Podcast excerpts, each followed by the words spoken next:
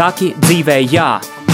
Mums ir iedots viss, lai mēs katrs nodzīvotu pilnvērtīgu, piepildītu un skaistu dzīvi. Mums ir jāpasaka jā visam, ko Dievs vēlas mums dot. Mums ir jāpiešķir savai dzīvei deksme un arī dziļums. Jāatrod savs aicinājums, uzdevums un piepildījums. Kā pateikt dzīvē jā? Meklēsim atbildes un mācīsimies to darīt kopā.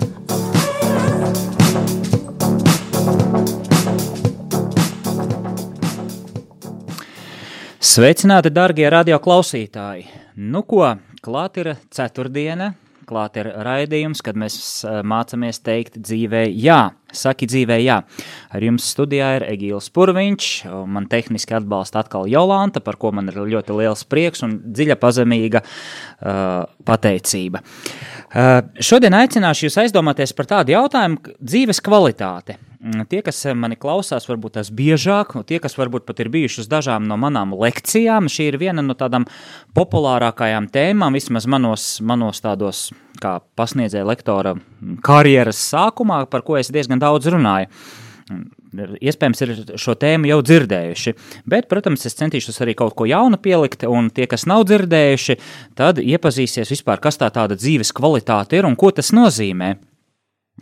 Eh, dzīves kvalitāte pirmkārt nu, nozīmē to, ka mēs vēlamies, vēlamies visi dzīvot pilnvērtīgu, laimīgu, piepildītu dzīvi, eh, kad mums ir attiecībās viss sakārtots, kad mums ir finansiāli visas iespējas, mēs varam realizēt, nomaksāt rēķinus, atļauties sev pamat vajadzības, lietas un varbūt pat kaut ko vairāk, kas ir forši, kas piepilda mūsu dzīvi. Lūk, uh, mēs visi gribam justies labi, labu veselību, mēs tāpat vēlamies arī emocionālo veselību, kad uh, kā saka, mūsu sirds ir tīra, mums ir labas attiecības vienam ar otru, mēs esam priecīgi, piepildīti, laimīgi, dzīves priecīgi. Tas viss veido dzīves kvalitāti. Bet, ja tā konkrētāk runā, tad eh, mēs varētu iedalīt dzīves kvalitātes tādās dzīves kvalitātē eh, tādās sfērās, bet pirms to mēs darām, um, pēc definīcijas mēs varētu teikt, ka dzīves kvalitāte ir rādītājs spējai harmoniski attītī, attīstīties visās dzīves sfērās. Un kas tad ir šīs dzīves sfēras? Nu, ja mēs skatāmies tā ārēja pasaule, kurā mēs dzīvojam, mēs varētu um, iedalīt, iedalīt uh, septiņas, šodien es jums piedāvāšu septiņas dzīves sfēras, kas visiem cilvēkiem ir kopīgas. Mēs visi esam iesaistīti vairākās dzīves sfērās, un septiņas, varbūt astoņas, varbūt kāds vēl, kādu vēl varētu pielikt, ja, uh, ir mums kopīgas. Septiņas mums ir kopīgas. Pirmkārt, tas ir darbs, otrām kārtām veselība, pēc tam attiecības, savstarpējā ietekme, atpūta, nauda un personīga izaugsme. Tās ir dzīves sfēras, kurās mēs esam visi savstarpēji iesaistīti. Darbs, piemēram, ņemsim atsevišķi tā īsumā apskatīsimies, mums visiem ir jāstrādā.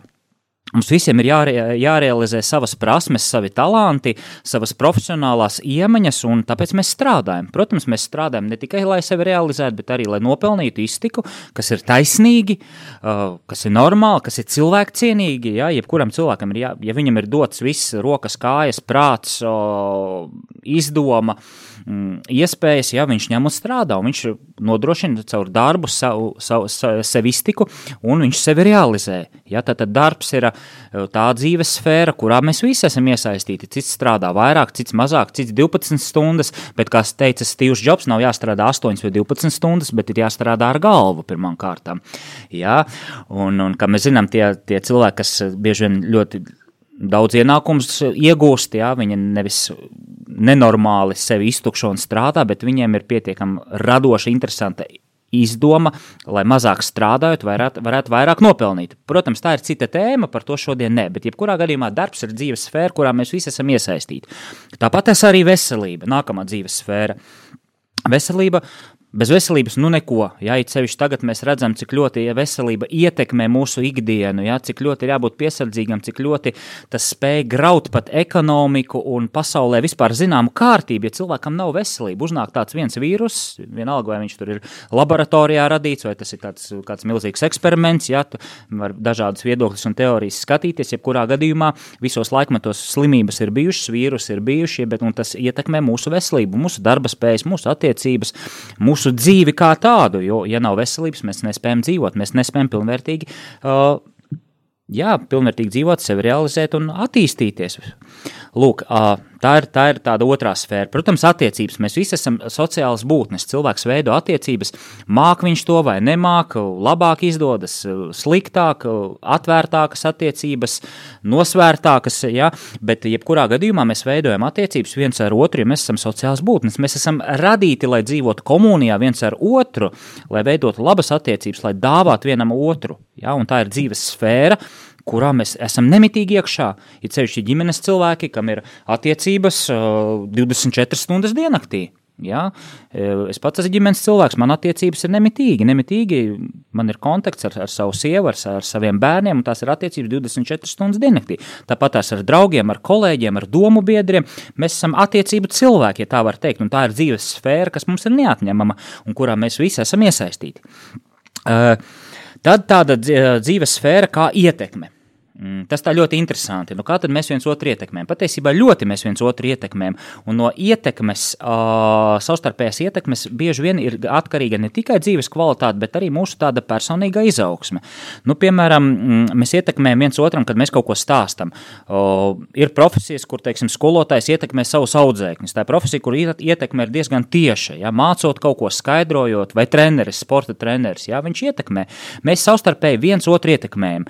Un šais sfērai ir jābūt diezgan attīstītai, lai mēs spētu izteikt savu viedokli, pamatot savu, savu, savas prasības, vai, vai vienkārši ietu pie cilvēkiem. Cilvēkam, kuram ir tāda, varbūt sevi tāda noslēgtība, varbūt kaut kādi bloki vai, vai nedrošība, mm, kaut kas viņu ierobežo, viņam ir grūti bieži vien veidot sociālās attiecības, ietekmēt, bet ietekmēt šajā ziņā tādā labā nozīmē, kad mēs nevis iespaidojam un, un, un, un panākam savu, bet mēs ietekmējam, lai arī sevi realizēt, lai mēs izteiktu savus, teiksim, savu iekšējo pasauli, savas domas, parādītu savu viedokli, parādītu savas prasmes, mēs viens otru ietekmējam.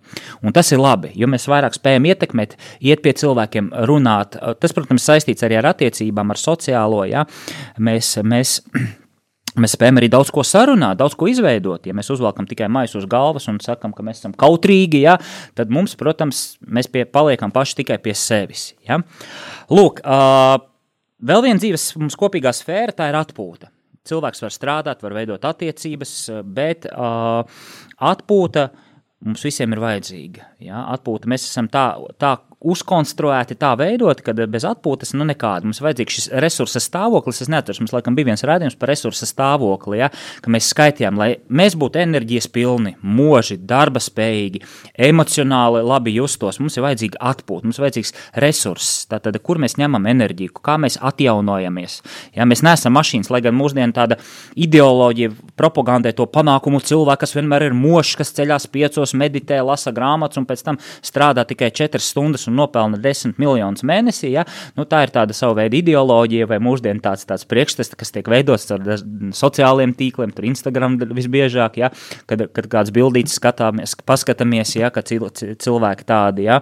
vienmēr moži, vienmēr pārcilvēki. Mēs neesam pārcilvēki, mēs esam cilvēki ar saviem ierobežojumiem. Jā, mums ir savs potenciāls, bet jāņem vērā, ka mums ir vajadzīga arī atpūta. Un tā arī ir dzīves sfēra, kas mums ir neatņemama sastāvdaļa. Mums vajag atpūsties, mums vajag uh, pabūt ar sevi, pabūt ar savu, savu ģimeni, vai arī citreiz vieniem pašiem pabūt. Ja? Lūk, un vēl divas dzīves sfēras, tad mēs savilksim tādu, tādu mm, kā tas ietekmē mūsu dzīves kvalitāti. Vēl viena dzīves sfēra, mm, ko es gribu uzskaitīt, tā ir nauda, finanses. Lai vai cik mēs būtu svēti, lai vai cik mēs būtu garīgi, lai vai cik mēs būtu pacilāti uh, savā iekšējā pasaulē, nauda, nu, ir tās teiciens, nauda sabiedrības asinis, uh, nu, savā ziņā varbūt tāda taisnība, bez naudas nekur. Ja, ja arī tu dzīvotu mežā, tev ir mūsu laikmetā, 21. gadsimtā, tev ir jāizbrauc uz to pašu veikalu, vai jā, tā pati elektrība tev ir vajadzīga, ir kaut kādas pamatlietas, kas bez naudas nav iespējams. Ja? Tev ir vajadzīgs kaut vai 5 eiro, kaut vai 10 eiro, bet tev ir nauda vajadzīga. Ja? Tā ir dzīves sfēra, kas ir, kas ir normāla, klātesoša. Ir cilvēkam ļoti daudz bloki attiecībā uz naudu, ir bailes no naudas, nevēlas naudu. Ja? Tad viņi mokās un nauda ir lāsts un tā. Nē, nauda ir normāla, neatņemama dzīves sastāvdaļa, neatņemama dzīves sfēra. Protams, ir jābūt kaut kādai finansiālai inteligencei, lai naudu, mēs ar naudu prastu rīkoties. Mēs prastu atlikt, prastu mm, sadalīt, rīkoties. Um, tāpat nomaksāt vai nepieciešamās lietas, nekrāt parādus, atlikt, ziedot. Ja? Tas viss ir saistīts ar finansiālo inteligenci, kas ir atsevišķa tēma un ļoti dziļa tēma, bet nauda ir mūsu neatņemama dzīves sfēra, neatņemama dzīves sastāvdaļa. Un visbeidzot, pēdējā kopīgā mums dzīves sfēra, ko es gribu piedāvāt, ir personīga izaugsme. Proti, tas nozīmē, kā es kā personība attīstos. Ja? Mūsu uh, Cilvēks ir aicināts visu dzīvi mācīties, apgūt jaunas lietas, uzzināt. Tas nenozīmē skriet uz visiem izaugsmas treniņiem vai tur, tur sekot tur trendiem, jā, kas tagad populāri, jā, bet pilnveidot savu iekšējo pasauli, kaut vai lasīt grāmatas, kaut vai viss, kas saistīts, kas tevi kā personību veido, veido tavu raksturu, veido tavu domāšanu, tavu, tavu iekšējo pasauli, tavu inteliģenci. Tā ir personīgā izaugsme. Lūk, septiņas dzīves sfēras, bet kā tas ietekmē dzīves kvalitāti? Tas būtu tas svarīgākais jautājums. Mans mērķis nebija jums pusstundas laikā stāstīt par septiņām dzīves sfērām, bet, bet dzīves kvalitāte. Kas jāņem vērā? Ja kāda no dzīves sfērām mums klibo, Piemēram, es varu būt ļoti, ļoti darbā. Viss cilvēks, kurš velta sevi darbam, strādā 12 stundas, tur ņem uz mājām darbus, tur raksta projektus, sēž visu laiku, nezinu, pie datora vai visu laiku ir sapulcēs, tikšanās, komandējumos, izbraucienos. Ja cilvēks maksimāli veltīs sevi visu vienai dzīves sfērai, viennozīmīgi, ka cietīs kāda citas dzīves sfēra. Ja?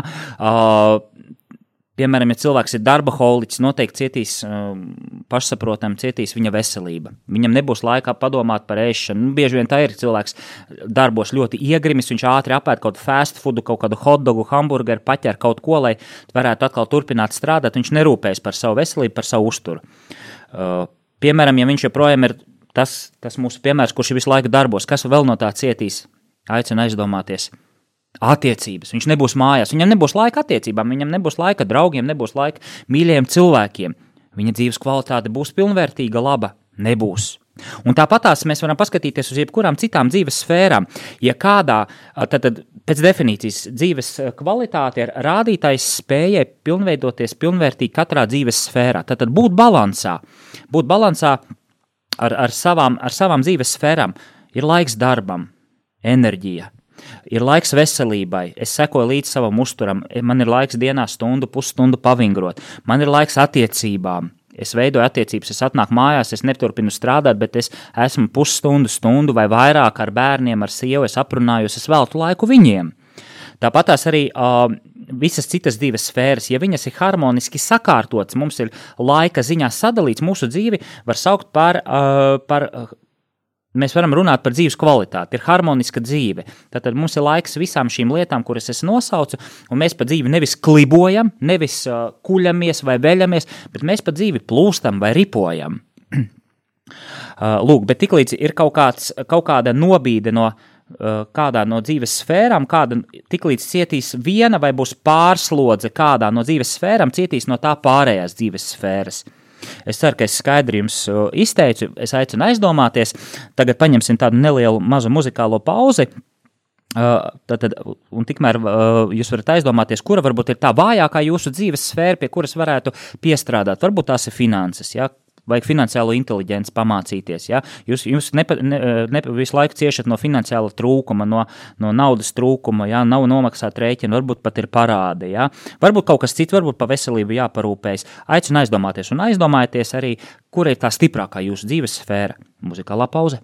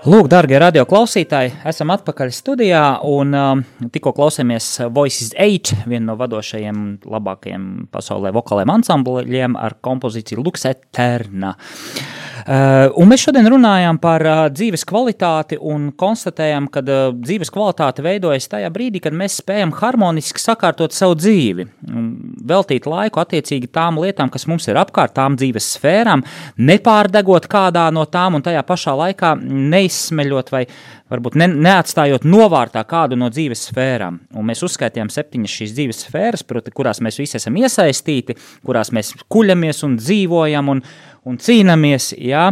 Mm, tas ir darbs, veselība, attiecības, ietekme, atpūta, nauda un personīgā izaugsme. Un, ja kāda no šīm dzīves sfērām mums pieklibo, vai ir atkal pārslodze viņā, noteikti no tā cietīs cita, cita, citas pārējās dzīves sfēras. Bet tās ir ārējās izaugsmes sfēras. Um, Vēl es jums gribētu piedāvāt aizdomāties par uh, mūsu pašu iekšējām izaugsmes sfērām, kas arī ietekmē mūsu dzīves kvalitāti un pirmkārt mūsu iekšējās pasaules dzīves kvalitāti. Un šeit es gribētu minēt četras šīs sfēras. Uh, Pirmkārt, mēs iekšēji augam, mūsu dzīves kvalitāte veidojās, ja mēs uh, strādājam ar savu ķermeni. Jā, mēs varētu to teikt, attiecināt pie veselības, bet darbs ar ķermeni manuprāt, ir viens no svarīgākajiem, ja mēs vēlamies sakārtot sevi kā personību. Ieskaitot, protams, arī prātu un emocijas, visu dvēseli, bet jebkura sevis sakārtošana un arī iekšējā izaugsme, garīgā izaugsme sākas ar kontroli pār savu ķermeni, ar, ķermeni, ar savu ķermeņa sakārtošanu. Proti, tā ir elementāra slodze, ir, tā ir elementāra atpūta, tā ir fiziskās aktivitātes, proti, kad mēs uh, uh, strādājam ar savu ķermeni. Bieži vien cilvēkiem rodas jautājums, kur ņemt enerģiju. Ja? Um, daudz domā, ka varbūt tās ir kvalitatīvi jāēd. Jā, tas, protams, ir jā, jādara, vai arī varbūt biežāk jāizguļās, vai jābūt kvalitatīvam miega stundām. Jā, protams, tas arī. Bet, lai mēs būtu lai mū, mēs būtu darba spējīgi, mums ķermenis ir jāpierādina ražot enerģiju. Un kā mēs to varam panākt? Mēs varam to panākt tikai caur fizisko slodzi. Un fiziskā slodze var būt dažāda. Tās var būt pastāvīgas, tā varētu būt kaut kāda konkrēta vingrošana, kaut kāds konkrēts sporta veids, mm, ar ko jūs nodarbojaties. Bet caur fizisko slodzi mēs savu ķermeni sakārtojam. Austrumos vairāk šajās praksēs ir uh, uzsvars uz to, ka mēs ar prātu kārtojam savu ķermeni, mēs ar prāta palīdzību veidojam ķermeni. Un, kas zina, varbūt tās austrumu cīņas, vairāk cīņu mākslas, ka tieši ir izteikti šī prāta kontrola par ķermeni caur kustībām. Tas pats arī ir dejošanā, tas pats ir arī dažādas sarežģītā, sarežģītās choreogrāfiskās kustībās, kad tev ar prātu ir jāmāk veikt kustības, un šādā veidā tu strādā ar savu ķermeni, un tavs ķermenis arī ir saistīts ar tavu prātu, ar tavām jūtām un viņš arī pilnveidojas, disciplinējas, uh, arī, arī, uh, arī mēs, mēs uh, iekšēji arī augam, strādājot ar savu ķermeni. Bez tā, protams, iekšēji mēs augam, un mūsu dzīves kvalitāte parādās, ja mēs audzinam savu prātu un savu sirdi. Mm, ko tas nozīmē? Tas nozīmē strādāt pie savas iekšējās inteligences prātu, jā, mēs varam vingrināt, un nu, jūs jau zinat, ka ir daudz pētījumu, ka cilvēka prāts ir jāvingrina visu mūžu, lai mēs vecumdienās būtu pie skaidra prāta, lai mums nebūtu prāts kā muskulis. Līdzīgi kā muskulis, eh, arī prāts var atrofēties, un tad sākās vecumdienās dažādas problēmas. Un uh, prāts jāvingrina visu dzīvi. Uh, tas nenozīmē, ka ir jārisina ne, nemitīgi matemātikas uzdevumi, bet ir jāuzdod jautājumi, ir jā, jārisina dažādas sadzīves problēmas, ir jābūt ieinteresētam dzīvē, uz, atbildēt uz dzīves izaicinājumiem. Kaut arī šis laiks, jā, meklēt atbildes, meklēt, saprast, ko mēs varam darīt, kā mēs varam augt, kā mēs varam viens, otram, at, viens otru atbalstīt, palīdzēt. Tāpat tās tās iekšējie mūsu jautājumi, kas mūsos ir, kas es esmu, kurien es eju, kāda man atbildība, kāds mans aicinājums, kā es varu pilnveidot savas prasmes, ko es vēl varu darīt labāk, kas man būtu jādara. Ja tie ir jautājumi, kas nodarbina mūsu prātu, liek mums augt, meklēt, lasīt, interesēties, tikties ar cilvēkiem, tas viss veido mūsu iekšējo inteliģenci. Un līdzīgi arī ir ar emocijām. Tagad ļoti populāri visādi emocionālās inteliģences kursi un pasniedzēji.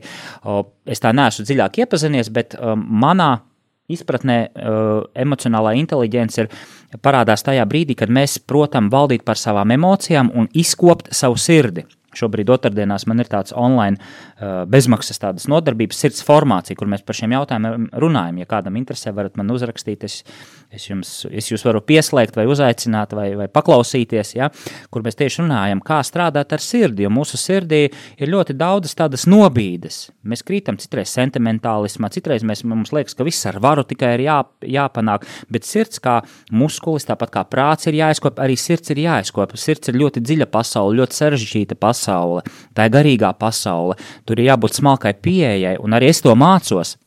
Un kopā mēs otrdienās to studējam, ja? bet emocijas, tā inteliģence parādās, jā, kad mēs apceram skaistās lietas, ka mēs apceram mūziku, mēs ļaujam izpaust savas jūtas, cilvēki bieži vien baidās izpaust savus jūtas. Nu, kā tad es tāds, tāds emocionāls vai kā, bet mēs esam cilvēki. Jūtas, sirds, emocijas ir tas, kas mūs padara dzīvus. Dzīvus cilvēks, mēs neesam uh, roboti, mēs neesam mašīnas. Mums ir jāmāk priecāties, mums jāmāk būt iejūtīgam vienam pret otru, jāmāk pateikties, jāmāk piedot, jāmāk līdzjust. Tas viss pieder pie sirds inteliģences, pie emocionālās inteliģences. Jāmāk atsaukties skaistajam, brīnišķīgajam, kas ir pasaulē, mākslā, mūzikā, cilvēkos, radītajā šajā dabā, tas viss mūsu sirdi piepilda, dara to bagātu, tas viss atver Ja, tā ir atsevišķa tēma, tur ir, tur ir tiešām vesels kurs un nodarbības par šo tēmu var runāt, bet tas iekšēji arī veido mūsu iekšējo dzīves kvalitāti. Un tad šī iekšējā dzīves kvalitāte saskanēs arī ar mūsu ārējo dzīves kvalitāti. Mēs nebūsim mašīnas, kuras, kuras vienkārši skrien uz darbu mēnesi no mēneša, kad tikai nomaksāt rēķinus un izdzīvot, bet mūsu dzīvē būs dziļāks piepildījums, jo mēs iekšēji pirmkārt vēlamies augt, mēs vēlamies savu iekšējo inteliģenci, savas iekšējās dzīves sfēras izkopt. Lūk, tā tad iekšējas izaugsmas sfēras. Nu, protams, garīgā dzīve pati par sevi. Tas būtu tā kā ceturtais, ceturtā iekšējā, iekšējās uh, izaugsmas sfēra pie mūsu dzīves kvalitātes, uh, garīgā dzīve. Uh, proti, šeit mēs varam uzreiz tieši, tieši sist papieru un teikt, tavas attiecības ar Dievu. Ja? Tavas attiecības ar augstāko, kā tu to saproti, ko tas priekš tevis nozīmē? Ir cilvēki, kas šo jautājumu norok. Viņi domā, nu, es tur esmu garīgs, un tā, tas, tas, ir, tas ir manā ziņā, un, un tā arī tas paliek tavā ziņā, un tu, tu neko nedari, lai tu veidot. Mums jāatcerās, ka ir kaut kas augstāks par mums.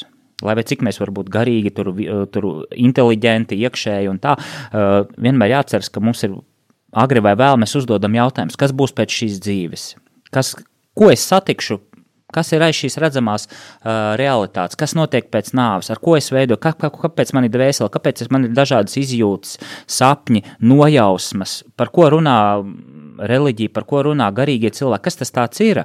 Un mēs sākam meklēt, un mēs sākam nonākam. Būtu labi, ja mēs nonāktu pie atziņas, ka mums jāmāk veidot attiecības ar Dievu, kā ar tēvu, kā ar radītāju, kurš ir gribējis mūs šajā pasaulē, kurš mūs mīl, kurš mūs aicina, kurš mums dod visu, lai mēs spētu pateikt dzīvei, jā, Lūk, tā ir garīgā izaugsmes sfēra, mūsu personīgās attiecības ar augstāko, ar Dievu, un, protams, kā mēs to atklājam, kā mēs to pie tā nonākam, tas ir ļoti personīgs ceļš, ļoti intīms ceļš, bet mēs nevaram šo dzīves sfēru nomest malā, pateikt, nu jā, tur ir jau visiem Dievs ir viens un, un tā tālāk, nu, mums, bet mums jādzīvo te patās reālā pasaulē, jā.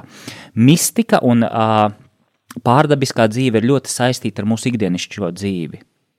Uh, Dievs ir ļoti, ļoti klātesošs, un es domāju, kas ir dziļi, dziļi nu, varbūt dziļāk, vairāk piedzīvojuši, ja, ka Dievs ir klātesošs ļoti mazajās lietās, mūsu personīgais attiecībās. Viņš dod šo žēlastību, iet uz priekšu, veidot attiecības, augt, saprast, meklēt, ilgoties.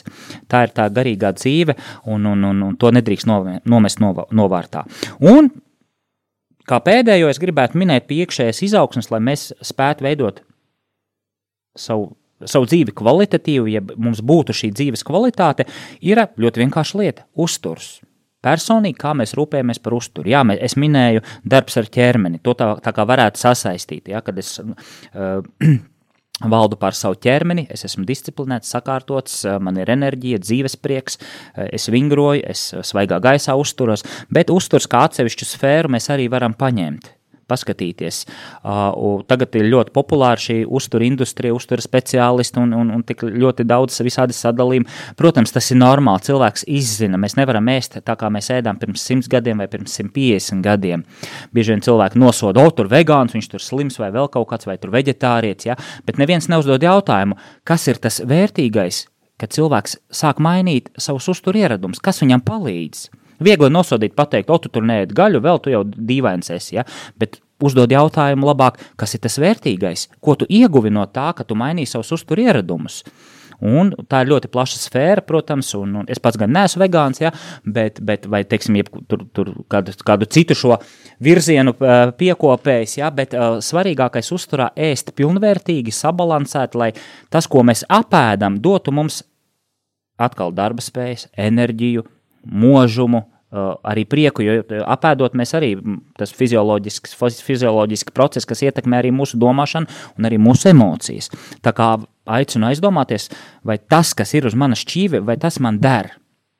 Ja, un, un tiešām papētīt, tagad ļoti, ļoti daudz literatūras pieejams, un tiešām speciālists paklausīties un ieklausīties. Un, tas ir interesants jautājums. Mēs nevaram tiešām ēst, kā mēs ēdām, kā cilvēki ēd pirms 150 gadiem, kad viņi strādāja par 12 stundām uz lauka un, un smagi lauku darbi. Mēs dzīvojam citā pasaulē, un ir daudz vērtīgi produkti, un tā ir tiešām vesela raidījuma vai vairāk raidījuma tēma, kur varētu kādu speciālistu paaicināt un pastāstīt, ja, kas tad ir uz tā mana šķīve un vai tas man tiešām der. Es tikai dodu impulsu aizdomāt iedomāties. Lūk, darbie draugi, tad ko, mūsu kopīgās iekšējās un ārējās izaugsmes sfēras, tā rezumējot, veido mūsu dzīves kvalitāti. Gan kā mēs dzīvojam ārēji pasaulē, kā mēs spējam laiku saplānot, kā mēs spējam savu enerģiju sadalīt darbam, attiecībām, veselībai, atpūtai, un tāpat arī iekšēji, kā mēs strādājam ar sevi, ar savu ķermeni, ar savu prātu, ar emocijām, kāda ir mūsu garīgā dzīve, un, un visbeidzot, visvienkāršākais, ko mēs tad liekam mutē. Tas viennozīmīgi ietekmēs mūsu dzīves kvalitāti. Tas viennozīmīgi kaut kur summēsies un kaut kur atsauksies. Un tad nav jābrīnās, ka mēs atkal skatāmies, ka ir cilvēki, ka mēs sakam, citreiz, o, oh, viņš sakārtots cilvēks. Kāpēc? Viņam ir šis balans dzīvē starp visām lietām. Viņš to ir spējis uh, sakārtot laika ziņā, enerģijas ziņā, bet ir cilvēki, kas skrien uz visām pusēm, ir nesakārtot un mokās un cīnās, un, un viņa dzīve šķiet tāds liels, liels apgrūtinājums, ja, vienkārši tikai tāpēc, ka viņš varbūt nav aizdomājies, kā es varu savu dzīves kvalitāti sakārtot. Lūk, tāds impulss no manis, protams, mēs te vēl varētu pielikt klāt, runāt par identitāti, par aicinājumu, kas arī dod tādu dzīvē piepildījumu, kad es zinu, Ja es kā vīrietis es zinu, kāda ir mana identitāte, mans status sociāli, es esmu tēvs, es esmu pasniedzējs, treneris. Tas viss arī veido manu dzīves kvalitāti, jo caur to es veidoju pienesumu pasaulē. Es ar to varu pelnīt naudu, es ar to, caur to veidoju attiecības, savas profesionālās attiecības ar līdzcilvēkiem. Tas viss ir saistīts, bet tā ir atsevišķa tēma. Mm, tad, tad identitāte, kā es to apzinos, kā tēvs, kā, kā vīrietis, vai, vai, vai, vai teiksim, um, tāpat uz sievietēm to var attiecināt. Kāds ir mans aicinājums, šis galīgais piepildījums, kā es gribu sevi dzīvē realizēt. Un, jā, un status, mans status, mana profesionālā, manas ģimenes status, tas tie šie jautājumi ir saistīti, bet tas jau būtu mazliet dziļāk un atsevišķa tēma. Tā, mīļie draugi, tā kā es jums novēlu jauku dienu, aizdomāties par savu dzīves kvalitāti, vai jūs pa dzīvi ripojat, vai jūs klibojat. Un, ja kāds kaut kur klibo, tas ir normāli, mēs visi mācāmies. Arī es šur tur kliboju, ir dzīves sfēras, arī kuras man ir jāpilnveido, Es varu dāļi runāt, bet eh, jāstrādā ar sevi ir mums katram, un katra diena ir mazs izaicinājums, bet pieņemsim šos izaicinājumus ar prieku un ar pateicību. Lai jums skaista diena, lai jums skaista nedēļas otrā puse, un laba veselība visiem, un līdz nākamajai reizei. Un paldies Jolantai! Saki dzīvē jā! Mums ir iedots viss, lai mēs katrs nodzīvotu pilnvērtīgu, piepildītu un skaistu dzīvi. Mums ir jāpasaka jā visam, ko Dievs vēlas mums dot.